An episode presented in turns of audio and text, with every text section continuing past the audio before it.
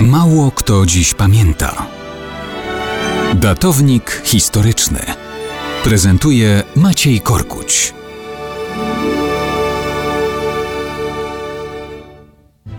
Mało kto dziś pamięta, że 12 stycznia 1528 roku został formalnie koronowany na króla Szwecji Gustaw I Waza, założyciel dynastii Wazów, skądinąd dziadek naszego króla Zygmunta III i pradziadek Władysława IV oraz Jana Kazimierza.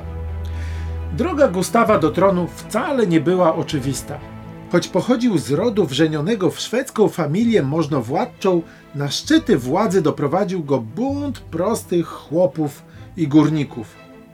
Pokonał Gustaw wcześniej wiele życiowych zakrętów. Miał ledwo co skończone 20 lat, kiedy w walkach przeciw królowi Danii został wzięty do niewoli.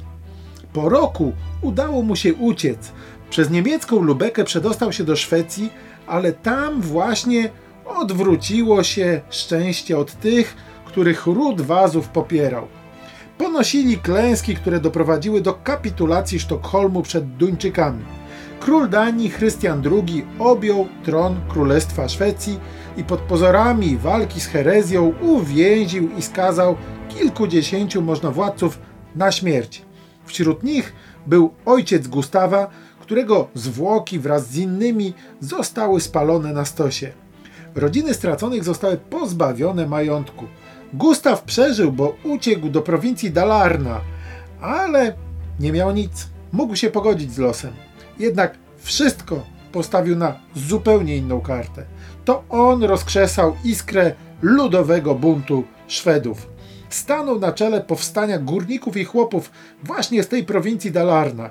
Rozwścieczeni Szwedzi pokonali oddziały duńskie. Gustaw Waza najpierw został regentem królestwa, a po zupełnym wyparciu Duńczyków ze Szwecji i Finlandii został przez zgromadzone stany szwedzkie obwołany królem.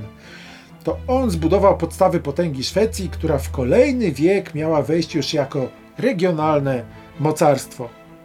I tak to ród Wazów stał się rodem królów dzięki buntowi prostych ludzi od najcięższej fizycznej pracy w kopalniach i na polach.